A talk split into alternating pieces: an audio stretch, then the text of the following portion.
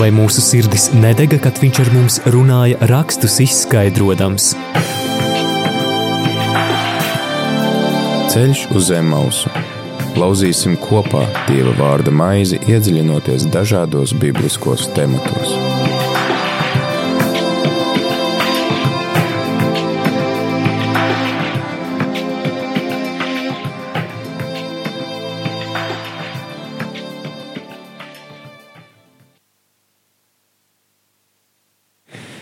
Rādījumā arī Latvija klausītāji ir 4 un 1 minūte 4. 14. janvārī ar TV ēterā priesteris Pēteris Skudru un laiks raidījumam ceļš uz Emmausu, kā tas ir ierasts ceturtdienās šajā laikā.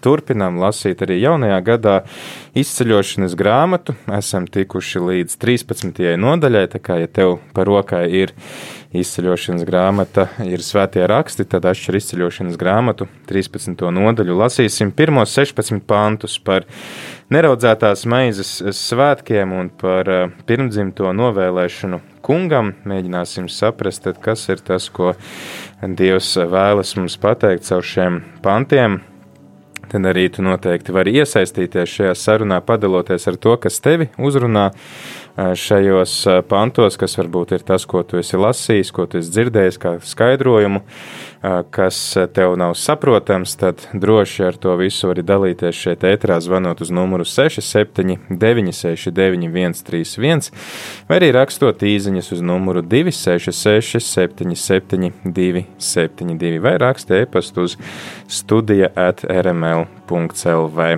Šodien mūsu viesis ir Agenskalna Baptistu draugas mācītājs Edgars Mažis. Labdien! Labdien! Prieks atkal redzēt un dzirdēt šeit mūsu ēterā, ne tikai dievkalpojumos, bet arī raidījumos. Jā, mēs jau esam runājuši par izceļošanas grāmatu pagājušo gadu. Šogad tad atkal ķeramies klāt. Kā, kas tev varbūt liekas ir tā pirmā doma, ko, vai teiksim, kaut kāda atslēga, ko vajadzētu paturēt prātā, lasot jau šos izceļošanas notikumus, ka jūdi jau ceļās, iet ārā no Eģiptes zemes, dodas pāri jūrai? Nu, vienā ziņā viņi ir absolūti negatīvi. Nu, tā, ja mēs paskatāmies, kas notiek tālāk, tuksnesī, tas nav tā, ka viņi tagad ir brēkuši, lai Dievs viņus atbrīvo, atbrīvo, un tad, kad Dievs viņus atbrīvo, tad viņiem ir savs plāns, kā vajadzēja Dievam atbrīvot. Un es domāju, ka viss tālākais, viss tālākie tūkstoši ceļojumi ir tāda ļoti skumja liecība par to, cik cilvēki ir nepacietīgi. Un no otras puses, cik ļoti Dievs ir pacietīgs ar viņiem. Jo viņi tur kur nentās reizes, un tad tikai pašā beigās nu, tad, tad liekas, ka tas punkts tiek uzlikts. Bet, bet es domāju, ka nu, izceļošanas grāmatā, jeb eksodas jau iziešana jau vispār ir tas sākums Dieva tautai, Izrēlam. Tas jau, es domāju, nu, ar Abrahāmu tas viss sākas, bet kā tauta viņa formatizējas tajā brīdī, kad viņi nāk ārā no Eģiptes. Bet kas tad ir tas pagrieziena punkts, ka šī ļaužu kopa kļūst par tautu? Jo mēs jau runājam par ļoti lielu daudzumu cilvēku. Tā nav vairs viena dzimta, tur ir 12 brāļi ar, ar saviem bērniem, mazbērniem. Tur ir simtos pat tūkstošos mēram, ja tur var ticēt, ka tie ir 600 mhm. tūkstoši vīru, ja iespējams tas skaitlis ir pārspīlēts, tad kura, kas tad raksturo tautu? Es domāju, ka tā ir šajā brīdī tuksnesī, tā ir iz, nu, tā nav tikai iziešana tuksnesī, bet tur ir arī šī kopīgā dievkalpošana. Tur mm. ir šis vēlāk, no šie nākamajā raidījumā būs šis uguns staps un dūmu staps, kā dieva klātbūtnes simbols. Un, un dažādas zīmes un brīnumi, ko Dievs viņiem rāda, kas, kas veido, un, protams, Mūzus kā starpnieks. Es domāju, mm -hmm. tas ir arī interesanti, ka nu, Jēzu mēs dažreiz saucam par jauno mūzu. Ja, bet Mozus ir kā tāds vecās derības eh, prototyps Jēzum, ka viņš, viņš arī par viņu, ka viņš ir ļoti pacietīgs, ka viņš, viņš nu, tiešām apbrīnojam, kā viņš vada tautu tuksnesī. Man šķiet, tas ir tuksnesis, ir tāds formatizēšanas laiks tautai. Mm. Un, un tad atkal ir baigais atkritiens atpakaļ, kad viņi iet apsolītajā zemē. Jo tad sākas uh, soļu laiks, tur ir cilšu konfederācija katram uh, katra cilts, kā saka, tur savus vecājus izvirza. Viņiem mm. vienīgais, kas viņiem ir, ir ticība Jahvim, bet viņiem nav nu, tāda, nu, es gribētu teikt par spīti kurnēšanai, viņi tomēr ir vienoti, jo viņi visi ir tuksnesi. mm. tur nevar tā, zina, aiziet divus kilometrus tālāk. Jā, Te mēs varam teikt, ka jūdu tauta kļūst par tautu tajā brīdī, kad viņi, teiksim, tā, viņi iegūst šo savu identitāti caur attiecībām ar Dievu, ka viņš viņus izvēla īpašā veidā un tas viņus atšķir no pārējām tautām. Un, viņiem tad ir arī, teikt, šis līderis, gan tāds reliģisks, gan, gan arī nu, tāds sociāls līderis, kas, kas kaut kā to identitāti palīdz nostiprināt. Un arī dievu likumi. Es domāju, tas jau nu, var jau teiksim, teikt, es domāju, tāds viens varbūt liberālais spārns saka, ka viss, kas saistās ar dievu likumiem, tas tur pēc trimdes nāk iekšā mm. tikai. Bet es domāju, nu, kā, ja viņi ir tuksnesī, viņiem ir vajadzīgs kaut kāds ietvers, kā viņi var tuvoties svētam dievam. Uh, Un, un nevar jau tā vienkārši 40 gadus staigāt pa tūkstnesi un kaut kur tā, nezinu, ideju līmenī, ah, laikam mums tas dievs tajā stabā ir vai kā tur. Mm. Es domāju, ka tie tūkstnešu ceļojumi parāda to, cik ļoti grūts ir ceļš no daudzdievības uz viendievību. Mm -hmm. un, un zelta ceļš, es domāju, arī ir tas viens no spēcīgākajiem, nu, kas, kas teiksim, parāda to, cik ļoti, ļoti grūti pat Āronam, kurš ir. Uh, kurš ir nu, arī vīrs savā vietā. Nu, viņš ir konsekrēts, viņš ir iesvētīts, bet, bet liekas, ka viņš arī īsti nesaprot, nu, nu, kā tad to dievu jāpielūdz. Hmm. Jā, tad tāds tas konteksts, apzinoties, vai tāds, saprotot to, ka jūdiem šie izceļošanas notikumi nav tikai iziešana no verdzības un ieiešana brīvībā, bet tas ir arī tāds laiks, kad viņi veido savu identitāti un apzinās sevi kā tautu, kas ir neatkarīga no citiem, ar savu likumu, ar savu dievu, ar savu līderi, kas tātad ļauj viņiem augt šajā pašapziņā. Un tad arī kaut kā līdzīgi mēs varam raudzīties uz šo uh, izredzēto dievu tautu un salīdzināt to ar baznīcu, kuras jaunais mūzus, jaunais līderis ir Jēzus Kristus. Tad nu, ieklausīsimies izceļošanas grāmatas 13. nodaļā, no 1 līdz 16. pantam, un turpināsim ar šīs dienas raidījumu.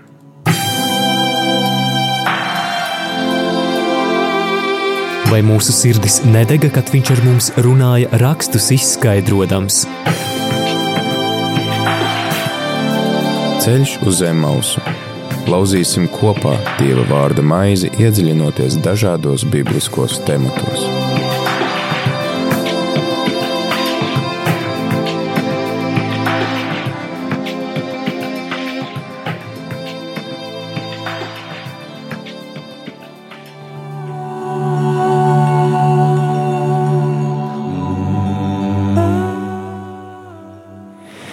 Kungs teica mūzum: Sveiti man ik pirmdzimto, kas Izrēlā no miesām nācis gan cilvēkam, gan lopam, tas mans. Mūzus teica ļaudīm: Atcerieties dienu, kad jūs iznācāt no Eģiptes, no vergu nama, jo ar stipru roku kungs jūs izveda raudzētu, lai nēd. Šodien abība mēnesī jūs izejat, kad kungs jūs aizvedīs uz kanāniešu, hetiešu, amoriešu, hiviešu un iebūsiešu zemi, kā viņš zvērēja jūsu tēviem, kad dos zemi, kur piens un medus plūst. Tad šajā mēnesī kalpojiet šādi, kalpodami. Septiņas dienas ēdiet neraudzētu maizi, bet septītajā dienā svētki kungam.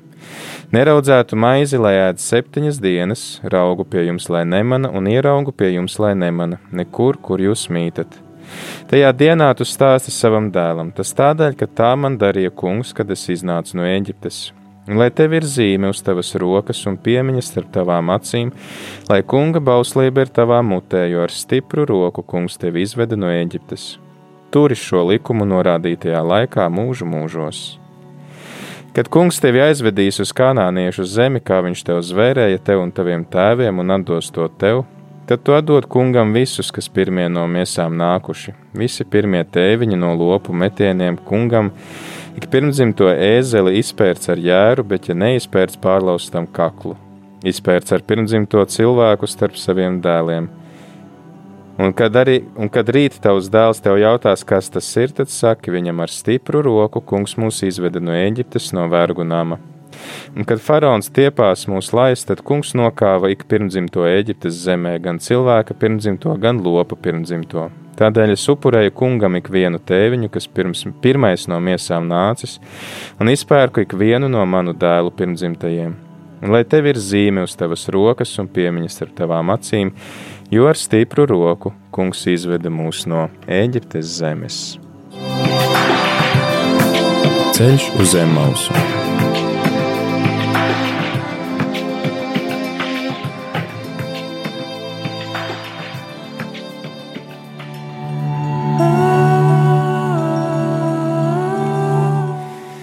Jā, tad šodien lasām šo dieva tādu pavēli, ko viņš dod caur mūzu, gan svinēt svētkus, neraudzētās maizes svētkus, gan arī visus pirmdzimtos novēlēt kungam. Un kas ir interesanti, ka izlasot pirmo pantu, otro pantu, tur ir runa par šiem pirmdzimtajiem, tad liekas, ka autors domā, nē, man vēlreiz ir jāizstāsta to, ko es jau esmu divreiz stāstījis 12. nodaļā, tur gan sākumā, gan beigās par šiem paskas svētkiem, un tad atkal atgriežas atpakaļ pie šo pirmdzimto novēlēšanas. Vai mēs varam kaut ko secināt? Tas ir vienkārši tā pierakstot, salikts kopā, negribējās tērēt pergamentu un kaut kā pārrakstīt un pārkārtot, un tad rakstīt tā kā nu, ienāca informācija vai, vai Vai Nē, tas ir apzināti? Tā? Es domāju, tā varētu būt arī viena no tādu svēto rakstu autoru nu, tehnikām, ja tā var teikt, kur uh, mazliet tas ir tāds sandvičs, kur tu redzi, ka par to, ko viņš runā sākumā, viņš arī runā pēc tam beigās. Un vidū ir uh, vēlreiz neraudzētās uh, maizes svētku apraksts. Un, uh, Es teiktu tā, ka no 11. panta tur drīzāk tas jau ir komentārs par to, uh, ko tas īsti nozīmē. Tā pirmdzimtā, mm -hmm. pirmdzimtā svētīšana vai konsekrēšana, jo nu, man šķiet, oriģināli man Dievs bija cerējis, ka visi pirmdzimtie vīrieši Izrēlā, ka viņi kļūs par priesteriem. Bet kaut kā tā, tā sistēma nenostrādāja. Un tad nāk Levija cilts, no kuras nāk visa priesterība. Bet, uh, Bet interesanti, nu es, es arī esmu pirmdzimtais savā, savā ģimenē. Es arī. Jā, Un es eh, zinu, ka nu, liekas, tas bija noteikti mammai, diez vai tētim bija kaut kur pat prātā, ka es varētu kļūt par mācītāju. Bet, bet es domāju, Bībelē ir ļoti daudz piemēru, kur šie pirmdzimtie gan pozitīvi piemēri, piemēram, mazais Samuēls, kurš Samuels, tiek. Jā. Jā, Gan arī negatīvs piemērs, kur Ēsauss vienkārši nicina savu pirmdzimtību. Viņš viņu pa zupas šķīvi pārdod savam brālim Jēkabam. Uh, nu, man šķiet, ka šeit ir kaut kāda paralēla ar Eģipti, nu, tādā ziņā, ka Izraels ir dieva pirmdzimtais, ja tā var teikt, kā tauta. Mm. Ja? Un tad tādā simboliskā veidā viņi, Dievs saslēdz šo pirmdzimto ideju ar to, ka Eģiptē mocībā tika vienā mocībā tika nogalināti pirmdzimtie.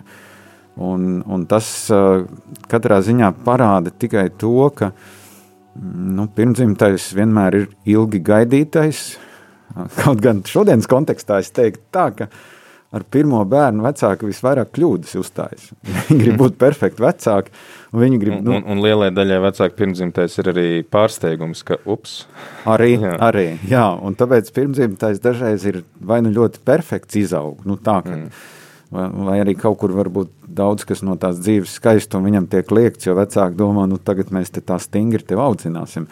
Bet, bet man patīk šis, ka Dievs saka, ka viņam viss pieder, ne tikai cilvēki, bet arī dzīvā radība. Ja? Un, un tā pirmzimtā ideja, es domāju, to, ko viņš eh, caur mūzu izskaidro, eh, man patīk tas, ka tur pie beigām viņš saka, ka izpērk ikvienu no manu dēlu pirmzimtajiem. Ja? Ka tā, nu, kad kaut kādā ziņā tiem pirmzimtajiem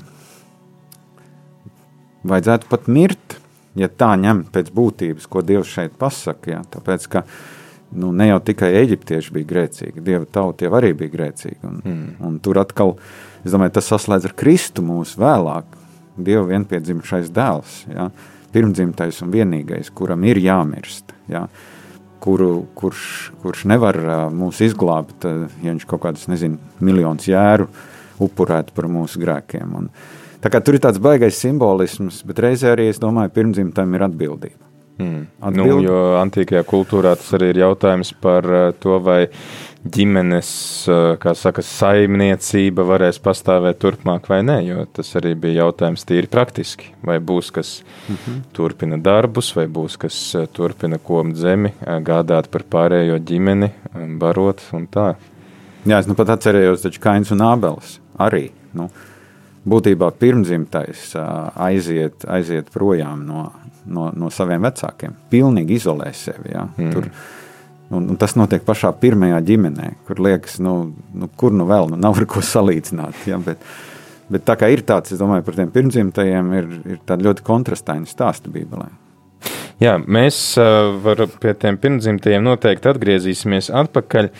Um, neraudzētās maizes svētki. Te 12. nodaļā tiek runāts par kunga pashu sākumā, beigās te tiek runāts arī 12. nodaļas beigās arī tiek runāts par kunga paskas svētkiem, par svēto sapulci. Tagad te ir runāts par neraudzētās maizes svētkiem. Tie ir tie paši svētki, vai, vai, vai tas ir vēl kaut kas papildus? Ka... Nē, tie ir, tie ir tie paši svētki, un, tas ir interesanti, ka nu, rauks, jā, protams, arī iepriekšējā nodaļā ļoti skaidri pasaka, ka tas ir Tāpēc, tāpēc, ka viņiem nav laika to maizi saraudzēt, nu, viņiem ir jāsteidzas ārā no Eģiptes. Un jebkura saimniece zina, ka nu, tu nevari tā maizi neuzrūkst uzreiz. Nu, tu vari mīklu nopirkt jau saraudzēt veikalā. Mm. Bet, bet viņiem ir ļoti interesants rituāls pat vēl šodien, kad teiksim, viņi vecāki varbūt eh, spēlēdamies ar bērniem, noslēpj augu dažādās mājas istabas vietās, un tad mm. bērni iet meklēt. Un tad, ja viņi atrod, tad viņi tā sirsnīgi to, to raugu met ārā. mm. Viņi kā saka, lai māja ir tīra, lai nekas nav no rauga. Nu, raugu arī viņi neko raudzēt, viņi nedrīkstēja pienest arī upurim. Uh, es domāju, tas ir raugs maina to, to būtību, to substanci patiesībā. Bet kāpēc ir tāda nepatika pret šo raugu? Labi, viens ir, teiksim, pieminēt to, ka okay, mums nebija mm -hmm. laika ieraudzēt, mēs sēdām uz, uz vietas sajauktus mm -hmm. miltus ar ūdeni un sacepām un devāmies mm -hmm. ceļā. Bet kāpēc tas vēlāk kļūst par kaut kādu tādu, nu, gandrīz vai tādu skrupulozu, ka, ka mēs te 12. nodaļā lasījām, ka viss mm. nams ir jāizmēž, ka nedod Dievs kāds rauga gabaliņš būs. Jo kas man liekas vēl interesantāk, ka Jēzus pēc tam tieši ar raugu salīdzina evaņģēliju salīdzina kristiešus, kas pārveido pasauli no iekšienes. Bet Pāvils atkal aiziet negatīvā virzienā, ka viņš saka, ka nu, par mums ir paskas jērs upurēts un un nesvinēsim svētkus ar netikumības raugu, ja? mm. ar, ar, bet ar tīrām, šķīstām aizēm. Nu, es drīzāk teiktu, ka tur varbūt sākotnēji tas tiešām vairāk ir, eh, kā tu saki, tas ir tikai instrukcija priekš, priekš tās brīža, kad viņi iziet no Eģiptes. Bet no otras puses, lai to iziešanas brīdi no Eģiptes pasvītrotu, Mm. Tas rauks kļūst kā tāds nu, simbols. Jo tāpēc jau viņš šeit arī saka, atcerieties, atcerieties, ka jūs iznācāt, atcerieties to dienu. Ja? Mm. Stāsti, stāsti savam dēlam par to visu. Nu, es drīzāk teiktu, ka varbūt tādā pretējā nozīmē tas ir. Nu, ja mēs nu, nākam pie dievgalda, tad tur arī ir, ir dzīves zīmes. Teiksim, mm -hmm. tā, ja, tur ir maize, vīns. Ja. Uh, šajā gadījumā tas rauks ir kā, nu, kā kaut kas, kas saistījās ar Eģipti. Mm. Un mēs ejam ārā. Un mums vairs tas rauks nav vajadzīgs tā iemesla dēļ, ka to, ko mēs darījām Eģiptē, mēs vairs negribam darīt. Tas būtu mm. viens skaidrojums. Tur droši vien vēl mm. daudz citu skaidrojumu. Ja?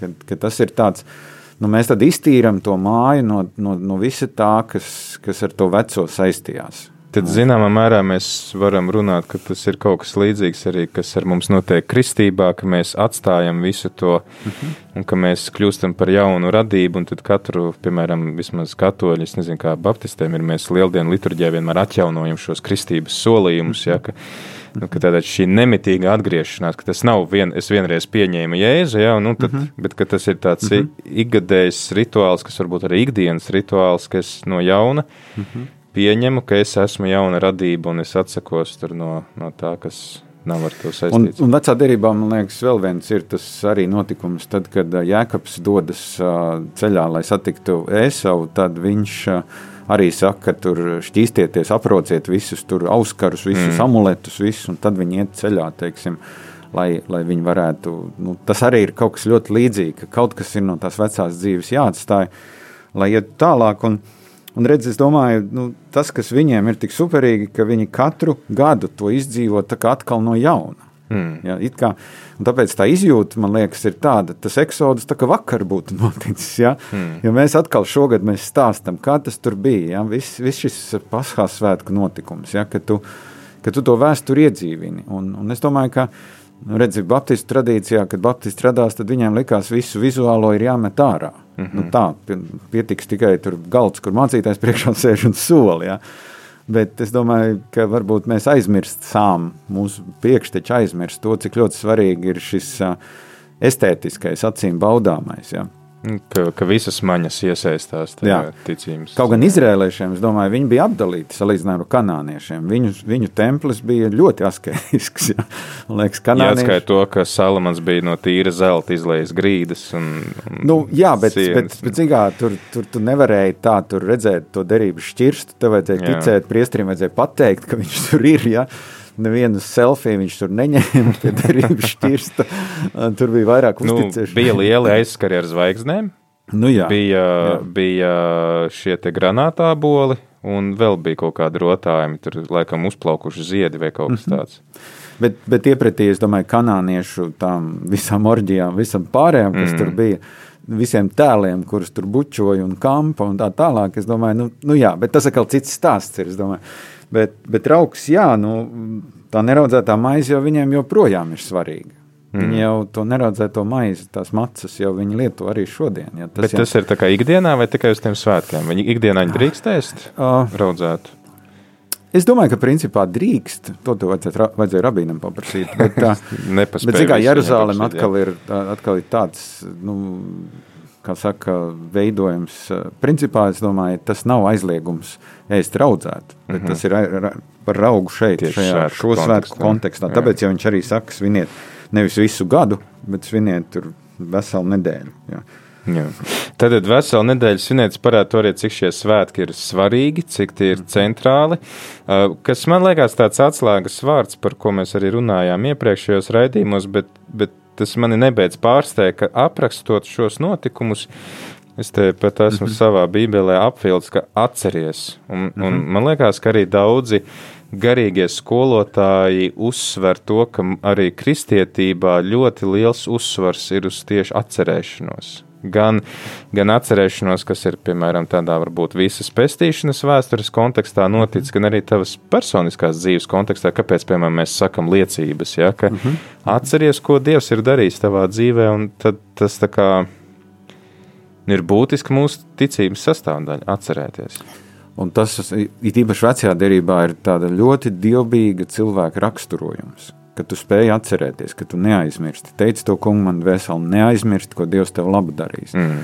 Un tāpēc uh, man vienmēr, uh, nu, ar tādām skumjām ir jādomā par tiem kristiešiem, kas domā, ka ar viņiem viss ir sācies. Nu, ar, tiem, nu, teiksim, mm. ar manu ticības dzīvi ir sākusies kristietība. Ja viss, kas ir pirms manis, ja visas iepriekšējās tradīcijas, konfesijas, tie visi ir maldījušies, es tagad būšu, no nu, ar mani tas viss sāksies. Un, Man šķiet, mēs nekad nedrīkstam nocirst savas saknes, un, un diemžēl kristīgai baznīcai ir, ir vēsturiski bēdīga pieredze par to, ka cīnoties pret jūdiem pirmajos gadsimtos, mēs aizmirsām, ka mēs no viņiem esam cēlušies. Mm.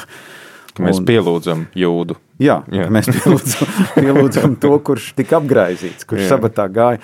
Un tur atkal ir tas, ka ir tie ekstrēmi, ka vai nu mēs pilnīgi ignorējam, un tad nāk mm. antisemītisms iekšā, vai arī mēs kļūstam ticīgāki par pašiem ebrejiem. Mm. Kā kristieši, jā, ka mums jāsvin tikai viņu svētki, un, kā vārds sakot, mm. Jēzu un Jēzu vairs nevar saukt par Jēzu, un tā tālāk, un tālāk. Tie ir tādi divi ekstrēmi, bet es domāju, ka mums, mēs nedrīkstam kā kristieši aizmirst savas saknes. Tāpēc vecā derība ir svarīga. Viņa mm. kaut kādā ziņā ir mūsu sakņu grāmata. Mm. Nevis sapņu, bet sakņu.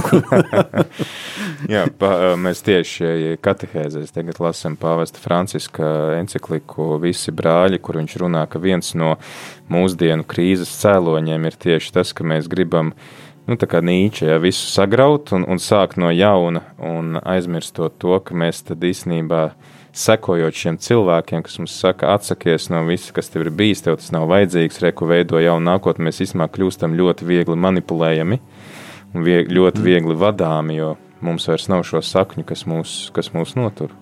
mm -hmm.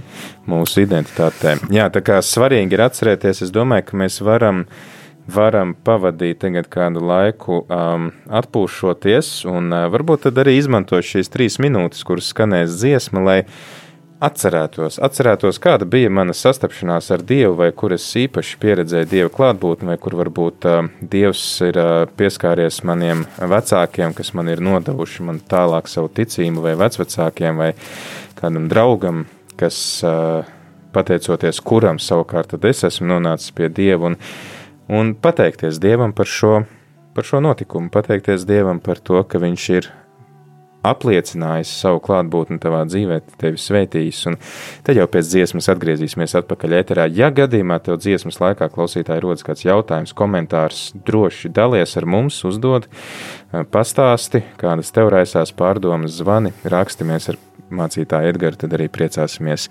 tevi uzklausīt.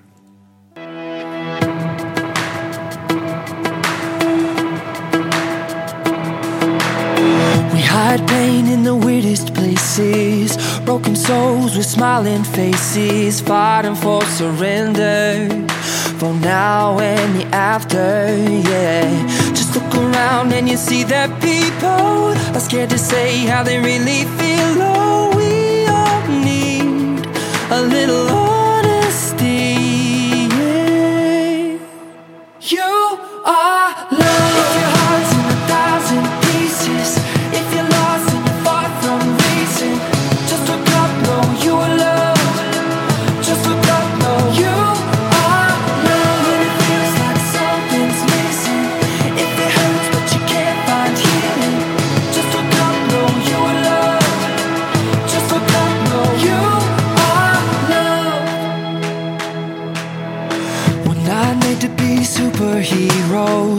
Photoshopped, all sides zeros. Light not expected, but not quite perfected. Yeah. Look up, see the sun is shining. There's hope on a new horizon.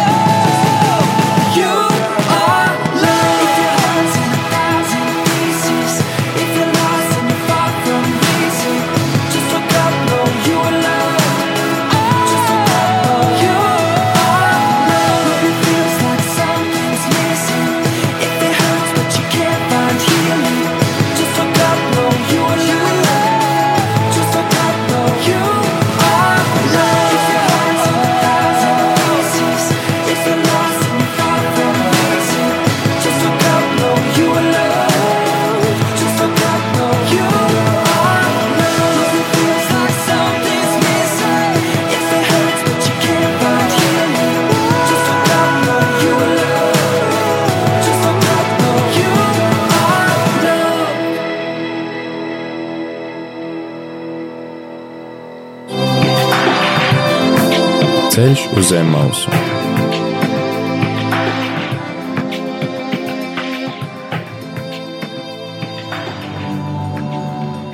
Turpinam raidījumu ceļš uz zemausu ar tevi ēterā priesteris Pēteris Skudra un kopā ar mums arī eh, mācītājs Edgars Mažis un šodien runājam par izceļošanas grāmatas 13. nodaļu.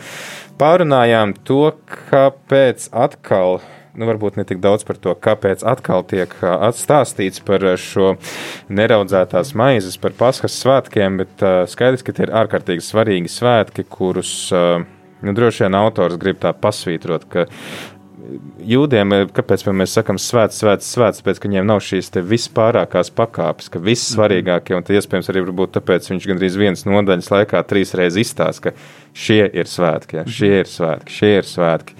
Un uh, mēs arī pārunājam to atceries, cik ļoti svarīga ir uh, ticības dzīvē atcerēšanās uh, par uh, kunga uh, pieredzi savā dzīvē, kas arī dod tādu spēku un enerģiju iet tālāk, ka varbūt pat ja šobrīd man nāk prātā tas ā, psalms, kur pat ja es staigāšu tumšā nāves ielā, es nekā nebīšos ne no kāda ļaunuma, jo Dievs ir ar mani, bet uh -huh. no kurienes tad nāk šī apziņa, ka Dievs ir ar mani? No tā, ka es atceros, ka ā, viņš bija toreiz tur, tur, tur, ar maniem senčiem viņš bija, es vēl dzirdēju liecības, un tad, tad diez vai tagad būs šī būs tā pirmā reize, ka viņš kādu, kādu uzmet, jā, un Zini, tad te atkal nāk prātā tas, ko saka, ka ir forši rakstīt šo garīgo dienas grāmatu, ka tu vari rakstīt, kā Dievs tev ir palīdzējis, kā Dievs ir bijis ar tevi. Jo, jo tad, kad tu esi tajā ielā, tad bieži vien ir kārdinājums. Tad nu, šķiet, mm. nu, Dievs man ir atstājis, un, un, un tagad viņš man soda vai vēl kaut kas. Bet, bet interesanti arī, ka šajā tekstā mm, parādās pirmkārt jau tas, ka Dievs saka, es esmu apsolījis, un es arī aizvedīšu. Nu, tā, es domāju, ja viņi būtu kaut, kaut vairāk pieķērušies šiem vārdiem, mm. ja ka Dievs viņus aizvedīs, ja nevis, ka viņiem tur jākurna un tā viņi mūzu un brauks virsū un mm. to darīs un to, bet, bet ka Dievs, un, un otra lieta, kas man nu, kaut kā trāpa, ir, ka viņš saka, nu, es jūs nevedīšu uz tukšu vietu. Mm. Es jūs vedīšu īstenībā tur, kur jau kāds ir, kas, kas kaut kādā ziņā ir bailīgi. kas tur ir, jā. Jā, kas tur ir? Jo mm. vēlāk arī tas parādīsies tieši tuksnesī, kad tev iz- izlūk atnāks atpakaļ. Jā. Bet, bet Dievs saka, es esmu apsolījis un es jūs aizvedīšu. Un, um, un tas pats jau man liekas, ir arī, kad mēs domājam, Pāvils to ļoti labi saka, ka tas, kas tevī labo darbu ir iesācis, tas viņu arī pabeigs līdz Kristus dienai. Jā, mm. Tas nav. Dievam nav problēmas ar, ar celšanas atļaujām vai ar, vai ar attīstības teiksim, kaut kādiem posmiem. Viņš, viņš zina savu laiku. Jā. Man uh, tur arī runā par to, ka Dievs apsola, ka viņš aizvedīs uz zemi, kur jau kaut kas ir. Um, bieži šī apsolītā zeme tiek raksturota kā zeme, kur piens un medus plūst. Ko, ko tas nozīmē? Nu, Skaidrs, ka pārpilnība, bet, bet nu, man dažreiz lasot, varbūt liekas, bet tad, kad viņi tur aiziet, viņi tur priecājas par to zemi, bet nu, kur tad ir tas piens un medus? Tajā, tajā vispār, nu, tur. Nu, pat tas nav īsti tā iespējams tur tajos mm. platuma grādos, ja mēs nu, esam bijuši, piemēram, Izrēlā. Nu, Un, un interesanti, ka nu, no vienas puses mums tas liekas, ka piens un medus ir kaut kas ļoti kā, nu, skaists. Ja, nu, tā kā, ja, nu, tādā ziņā mēs te latvieši pienzērājam, mums biškopi un tā tālāk. pat Rīgā uz jumtiem salikt stropi. Ir, un, Bet ne pienu, ne medu nedrīkstēja pienest dievam kā upuri. Kāpēc? Tāpēc, ka medus sacukurojās, atkal maina to savu struktūru un piens saskāpst. Mm. Un tu dievam nedrīkst pienest neko, kas ir procesā izmainījis savu nu, mm. teiksim, būtību. Un, un tad var paskatīties uz šo, ka piens un medus tek. Īstenībā tā ir zeme, kura, kura absolūti ir pret dieva likumiem, kur dzīvo pagāni. Jā, tas mm. ir pilnīgi cits skats. Jā, jo, teiksim, protams, auglība tas ir pirmais, kas mums nāk prātā. Lielie vīnogu ķekari, ko tur izlūko atnest Jā. tur uz kārtiem. Jā, iedomājieties, kādu vīnogu ķekari, varbūt kādu kilogramu 5, 10. Jā, uz jā, jā, tas uz pleciem. Jā. Rīmi veikalā svari nevar nosvērt vienu ķekari. Un tāpēc varbūt ka tas ir arī tāda patiesībā tāda diezgan ironiska skats uz to, ka tā nebūs viegla zeme. Jā, mm. Tur, tur tek piens un medus, bet tas piens un medus būs. Sanāk, tā var būt tāda dubulta nozīme, līdzīga kā arī teiksim, nakts tēls, par kuru mēs lasām iepriekš, ka tas ir no vienas puses šī nakts, kurā Dievs darbojas, kas atgādina radīšanu, bet no otras puses, tas ir arī kaut kā tāda stihija, kurā liekas, ka Dieva nav. Un, Jā, tur, tur var, tur, es domāju, tas teksts ļaujās, ja viņš Jā. netiek skaidrots. Jā, tur, tu pareizi saki, tad, kad viņi aiziet apsolītā zemē, tur nav nekāda piena svētki, nav nekāda medus godināšanas brīdis, ja, jo mēs tagad esam tajā zemē, kur piens un medus. Tagad. Bet, bet, bet jā, nu, tā zeme ir auglīgāka par tūkstnesi noteikti, un, un mm. varbūt pat auglīgāka par Eģipti, kur viņi dzīvoja. Jā, tad mums ir arī klausītāja jautājums ienācis. Mēs tam arī noteikti pieķersimies klāt, bet mēs šeit dziesmas laikā pārunājām, ka ir svarīgi teiksim, ja mēs ķeramies klāt tagad jau šai pirmdzimto izvēlēšanai, novēlēšanai kungam, un arī pirms tam mēs lasījām par šo maltīti, ka tur ir uzsvars stāsti savam dēlam. Te arī bija tas, ja, ja, ja tev rītā dēls, vai tu rīt dēlam, tad saki, ja tas un tas ir noticis. Un, ā, kāpēc tev liekas, ka to vajag izcelt? Nu, tā ir tā kontinuitāte vai turpināmība, ja mēs runājam par saknēm. Tas mm. vecākais, kas ir pieredzējis iepriekšējā paudzē, iepriekšējās paudzēs, viņš ceļas un viņš stāsta jaunai paudzei. Un tas jaunais dēls kādu dienu arī būs tas, kurš celsies augšā pasaules svētkos un stāstīs saviem bērniem. Mm. Tā ir tā nepārtrauktā kontinuitāte, arī tā saite ar savu pagātni, ar saviem vecākiem. Un, un arī tas, ka nu, tā ir skaidrošana. Man šķiet, tas ir tik skaisti, ka arī, arī teiksim, viņu ticības apliecība beidzas ar praktisku nu, tādu novēlējumu, māci to savam dēlam, tad, kad tu ej pa ielu, ne, bet nu, ejot un ceļoties. Un, respektīvi, mm. ikdienā māci viņam šīs lietas, mīlēt Dievu ar visu, kas, kas tu esi. Uh, vienīgo dievu, kas, kuru mēs pielūdzam. un Tāpēc es teiktu, tā ir pedagoģiska, ļoti pedagoģiska funkcija. Ka arī ticība nav kaut kas tāds, ko māca sinagoga vai svētdienas skola, bet vispirms tie ir vecāki, kas ir pirmie misionāri, kas dod to savu liecību, ka, lūk, manā dzīvē Dievs ir darījis, vai mūsu senču dzīvē Dievs darīja to un to. Viņi joprojām ir. Viņi joprojām. Man ļoti, ļoti patīk Raimons Pauls. Kādā no intervijām sacīja, ka, ka viņš teica, ka to, ko vecāki ir ielikuši bērnam mazotnē, mm. to neviens nevar no viņa izraut ārā, ka tas ir daudz dziļāk un ka, ka skola, nu, viņš saka, varbūt es domāju vecmodīgi, bet, bet viņš saka, to, tas pamats ir tas, ko vecāki ieliek. Un es kaut kādā ziņā arī tam piekrītu. Ja. Es nevaru vienkārši, ja es esmu slikts tēvs, es nevaru tagad uzgrūst visu atbildību skolai, svētdienas skolai, mācītājiem, ja, Jā, jā. un teikt, ka lai citi mani dēlu izaudzina. Bet, bet skaidrošana ir ļoti svarīga, un man šķiet, ka šeit arī ir pozitīvi, ka viņš atkal un atkal atgriežas ar stipru roku. Kungs mūs izved no Eģiptes. Dievs mūs izveda. Mm. Tas nebija mūsu funkcijas. Mēs, mm. Un to arī ir vienmēr jāatcerās, jo dažreiz mums ir kārdinājums pārrakstīt vēsturi. Mm. Dažreiz mēs tur dievu izmetam ārā no tā notikuma, kaut gan tas ir bijis dievs. Jā, tā tad šī atcerēšanās ir arī saistīta ar to informācijas tālāk nodošanu, ar audzināšanu, ar liecināšanu. ā, Arī ar skaidrošanu, man liekas, tas tas svarīgi, ko tu saki, Edgar, ka skaidrot, jo nu, mēs, ā, mēs arī dziesmas laikā pārunājām to, ka reizēm tā mēdz būt, nu, a, kāpēc tā jādara, nu, tāpēc, ka tā vajag, jā. Bet kāds ir tas vēstījums? Kāpēc, ā, kāpēc tad ir kaut kāda viena vai otra tradīcija, dievkalpojuma, kaut kāda izpausme un tā tālāk? Kaut kā mūsu senči kaut ko gribēja ar to pateikt un nodot tālāk mums, tad svarīgi pašiem meklēt šīs atbildes un stāstīt tālāk atkal citiem. Zini, nu, vienīgie konfesiju dievkalpojumi, kur ir komentāri par to, kas tur notiek, ir pareizticīgo dievkalpojumi. Gan Latvijā, gan arī, nu, es nu pat skatījos no Maskavas Ziemassvētku dievkalpojumu pareizticīgo. Un man pat šķiet, ka tas nebūtu slikti, ja viens tāds dievkalpojums būtu katrai konfesijai Latvijas televīzijā, Hmm. kur, kur paskaidro, protams, nu, Tad vienīgi būtu vajadzīgs divreiz garāks, laikam, televīzijas laiks. Varbūt, jā, it īpaši varbūt, nu, zin kā, tas ir skatoties, cik gari liturģija un ko tu vispār drīkst ko teikt. Mm. Tajā ziņā es domāju, varbūt tad, kad krustaceļš tiek komentēts, jau arī mm. tur tie komentāri ir. Bet es domāju, tāda, tāda vienkārši misijas izskaidrojuma, piemēram, mm. ja, kāpēc, kāpēc misija sākas ar to, un, un, un kas ir tas, un kāpēc priesteris eh, nu, kvēpina altāri, ja, kas, mm. ko tas nozīmē. Ja, jo es domāju, daudziem cilvēkiem, pat tiem, kur ir baznīcas cilvēki, viņiem tas nav skaidrs. Ja, un tad viņi tā kā, nu jā, nu, tā dara baznīcā, bet kāpēc? tā vajag. Tā vajag. Bet uh, interesanti ir tas, ka uh, viņš saka vēl 9. pantā, un tev ir zīme uz tavas rokas un piemiņas starp tavām acīm. Un vēl pēc tam tas tiek atkārtots šī mm -hmm. fragmenta beigās, ko mēs lasījām 16. pantā.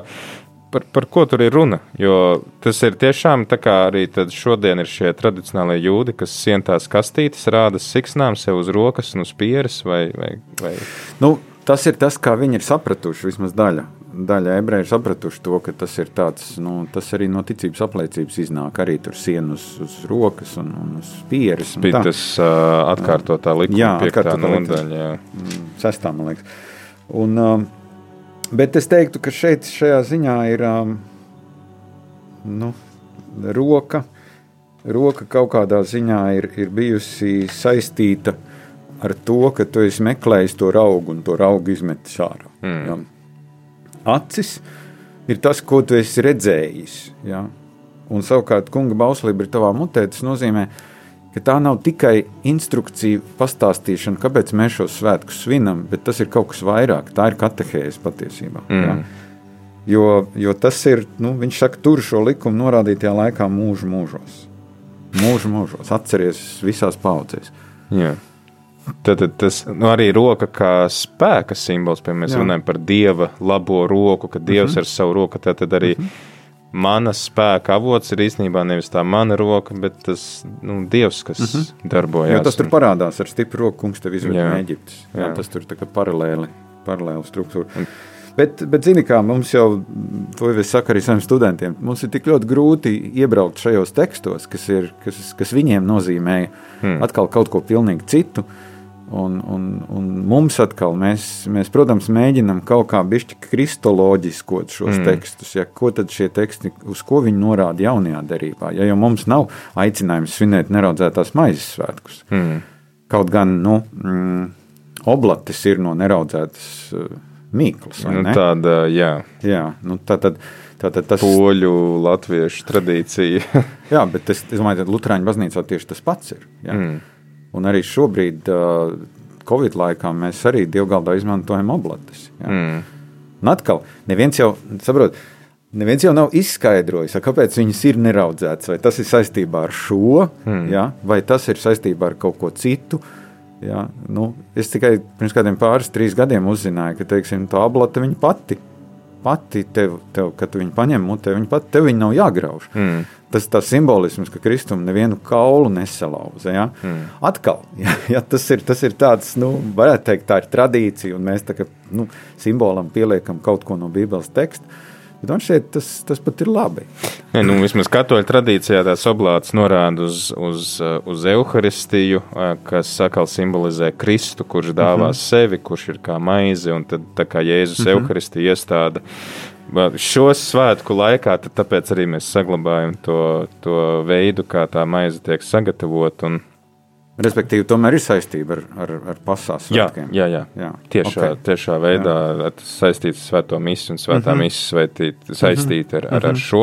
Bet tad ķeroties klāt mūsu anonīmā klausītājiem jautājumam, ko nozīmē ikvienu pirmdzimušo tev būs izpirkt? Tas ir tas, uh, par ko mēs arī īstenībā jā, uh, iesākām šo raidījumu runāt, jo tie ir arī vārdi, ar, ar ko sākās, kas sveitī man ik pirmdzimto, kas Izrēlā no miesām nācis gan cilvēkam, gan lopam, tas ir mans. Tad Dievs tā kā pieprasa, ka visi pirmdzimtie, tad tas, uz ko tu īstenībā liec vislielāko paļāvību, to tu īstenībā atdod man. Arī pirmie augļi jānes. Tas arī interesanti, ka tu novāc ražu, un tu pats īstenībā no tās ražas nevar ēst. Tu vispirms to atdod dievam, un tad ēd pats. Un tad viņš saka, un tad tev būs izpirkt. Tur gan ēzeli, gan, gan uh, vērsi, gan arī dēlu. Nu, redz, tas ēzelis tev ir vajadzīgs, lai tu strādātu. Mm -hmm. Tas dēls tev ir vajadzīgs, lai viņš tev uzturētu. Mm -hmm. Drīzāk, es domāju, tas ir tas, nu, tas atkal tas simbolisms, par ko šeit ir runa. Ka, nu, ja tu viņu neizpērci, tad, tad ir Samuela variants. mm. Tad, tad viņš iet un kalpo dievam. Tad, tad, mm. viņš, tad viņš vairs nav tavs. Jā, patiesībā nu, tas ir. Tas ir tāds nu, ļoti grūti saprotams koncepts mums šodien, teiksim, mums Tur cilvēkiem. ja mēs- jāpārlauž sprāndi, jā, tur lopiem. Jā, bet, bet nu, ne jau viss, kas vecajā derībā ir rakstīts, ir normatīvs mums šodien, kristiešiem. Bet, bet es teiktu, ka tā, tā pirmdzimta nozīme, ja, ka, ka Dievs kaut kādā veidā saka, tas pirmdzimtais, viņš pieder man. Tas, protams, nenozīmē, ka viņam nepieder otrais, vai trešais, vai ceturtais bērns. Ja. Bet ar to pirmdzimto vecajā derībā tiek saprasts, ka viņš ir kaut kādā ziņā uh, dieva īpašums, jo no šī pirmdzimtā jau tālāk arī ies tā dzimta. Teiksim, mm. ja. Un, uh, nu, šodien, man liekas, tam mūsu sabiedrībā tam vairs nav ne, nekāda nozīme. Vai mm. tu esi vecākais bērns vai jaunākais. Tur, Drīzāk pat vecākie bērni ir tie, kas pirmie atstāja māju, vismaz pagātnē. Ja, mm. tur, tur viņiem ir bijis tik grūti, un, un es zinu, ka man vecāka paudze tā ir bijusi tāda, ka jo ātrāk tu tiec prom no, no vecākiem, jo labāk. Ja. Mm. Bet šeit būt pirmdzimtam nozīmē baigta atbildība par saviem vecākiem un arī par to, kas nu, nāk pēc tevis. Ja, vai, vai, vai mēs um, varam uzskatīt, ka nu, okay, viens ir šo pirmdzimto upurēšana dievam, tāpēc, ka redzēja Eģiptē, šie pirmdzimtie tika nogalināti, un tad Dievs pieprasa sev. Bet varbūt tas arī ir tas dieva veids parādīt to, ka Jā, tev ir vajadzīgi, jo beigās jau sanāk, viņš pieprasa to pirmdzimto sev, bet tad viņš saka, nu labi, tu vari izpirkt un, un, un atdot mm -hmm. tev atpakaļ. Mm -hmm. Kad caur to Dievs grib pateikt, nu, tas, ko Jēzus vēlāk teiks, ka, ja kas mīl savu tēvu vai māti vairāk par mani, tas nevar būt mans kalps, ka tomēr tad, tad tev ir jāatcerās, ka Dievs ir tas, kas nodrošina tavas dzimtas nākotni, Dievs ir tas, kas nodrošina tavas mm -hmm. uh, nu, ražas šo ievākšanu un auglību, nevis, teiksim, tas lops vai vai, vai, vai tas dēls, kurš tagad tev tur strādās tajā dārzā. Nu jā, un redz, 15. pantā viņš ļoti interesanti saliek kopā. Viņš saka, kad faraons tiepās mums laist, tad kungs nokāva pirmdzimto Eģiptes zemē. Jā.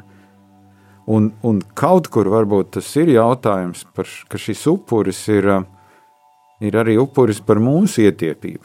Mm. Ja mēs ļoti bieži arī esam ietiepīgi iepratī Dievam. Ja? Dievs kaut ko liek mums darīt, mēs meklējam visādus uh, īsceļus, lai to nedarītu. Mm. Ka, ka tas nu, ka tādā simboliskā veidā šeit, šeit varbūt parādās grēku nožēla, ka ir kaut kādas lietas, kas mums ir jānožēlo, ko mēs esam grēkojuši pret savu ģimeni, ja tie, kam ir bērni, ka mēs esam varbūt izsapņojuši, kam mūsu bērniem ir jābūt. Mm. Ja, jo bieži saka, ka mēs vecāki uzspiežam saviem bērniem savus nepiepildītos sapņus. Ja.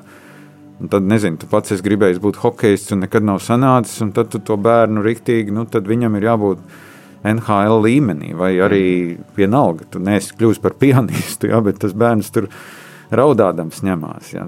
Te, te varbūt ir bišķi tā robeža, cik daudz es varu iejaukties savu bērnu dzīvē, mm.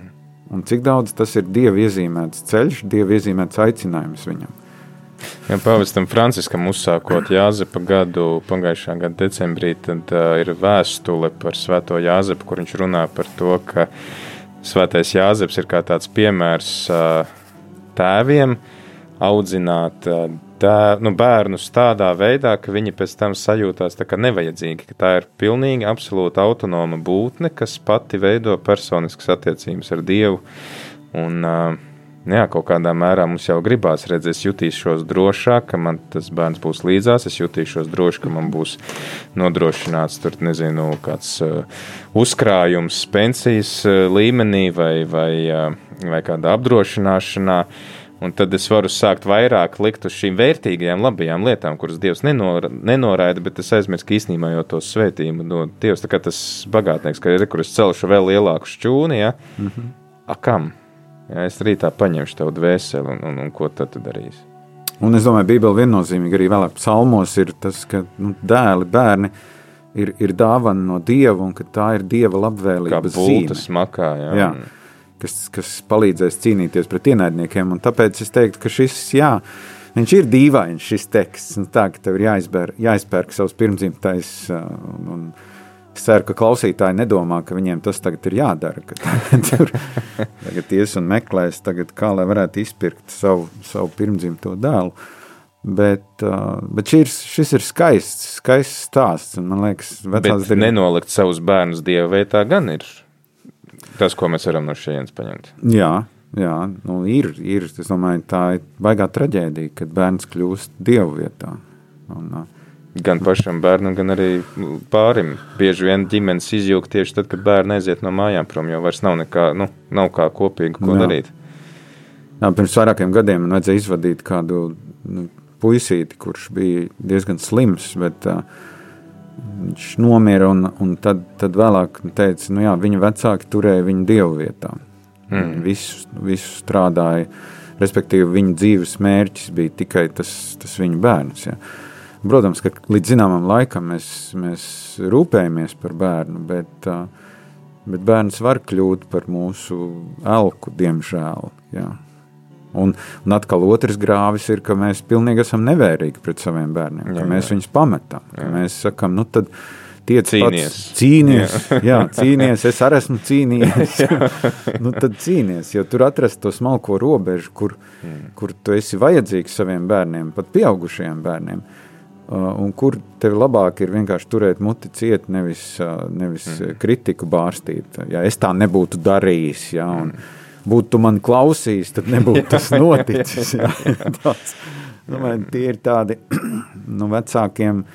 Bieži vien ir jākož mēlē, mm, pēc tam, kad tu esi izteicis, tu saproti, ka pilnīgi garām, ka tas uh, drīzāk bija tava bezspēcības uh, izjūta. Ja, mm. Tu tur nevis. Uh, un tāpēc es teiktu, ir, ir forši lūgt uh, par saviem bērniem Dievu neatkarīgi no tā, vai viņi ir mazi vai lieli. Vai, nu, katru vakaru uzticēt, uzticēt Dievu apsardzībai un žēlastībai savus bērnus, mazbērnus un savus ģimenes locekļus. Jo var jau teikt, nu, kam tad jālūdz, viņa jau pieder Dievam. Mm. Bet, bet es domāju, tā ir tāda svētīga disciplīna mums katram. Ka mēs, ejot atpakaļ pie tā, ko tu sacīji, neaizmirst, ka tas nāk no Dieva, mm. ka bērni mums ir dāvana no Dieva un ka katra diena ir dāvana no Dieva. Es domāju, ka saistībā ar tiem lopiem mēs to varam pārlikt uz šodien, kad darbs nekļūst par manu elku. Ja, ka tas, kas mm -hmm. man dod tos ienākumus, ka tas nekļūst par manu elku. Protams, ka ir traģiski, ka daudziem cilvēkiem šodien nav darba, ja, bet, bet darbs arī nedrīkst kļūt par kaut ko tādu, pie kā tu tagad turies, mm -hmm. iekrampējies un ka tu tam vergo. Un mm -hmm. īstenībā, cik daudz mēs arī redzam izjukušas ģimenes un draudzības un sa- sagandētas veselības tikai tāpēc, ka mēs esam pārāk sevi izsmēluši. Nu, tur ir tas foršais līdzsvars vajadzīgs. Visās lietās ir vajadzīgs līdzsvars. Un es domāju, arī dievbijā ir vajadzīgs līdzsvars. Jo, jo es dažreiz arī klausos, ka cilvēki saka, nu, vai mēs esam simtprocentīgi nodevušies Kristum. Vispār kā to var izmērīt? Jā, Tad, kā? tad termometra nav. Nav ne termometra, jā. Nu, un tad, un tad varbūt dzīvojot ar tādu nožēlu, ka es tikai kāds 50%, tad tu nu, pazaudē to skaistumu. Tu tos skaistos 50% pazaudēt, visu laiku domā, vēl, vēl vajadzētu kaut mm. ko, vēl vajadzētu. Bet, bet, bet ir skaisti, kā, es domāju, savākot kopā atcerēties to, ko Dievs ir darījis. Uh, Un tāpēc, ka mums ir tendence aizmirst, mums ir jāatgādina gan sev, mm. gan mūsu bērniem, gan sabiedrībai. Uh, Jo tajā brīdī, kad mēs sākam aizmirst, tajā brīdī mēs sākam pārrakstīt vēsturi. Hmm. Un pārrakstot vēsturi, mēs vienmēr nonākam strupceļā.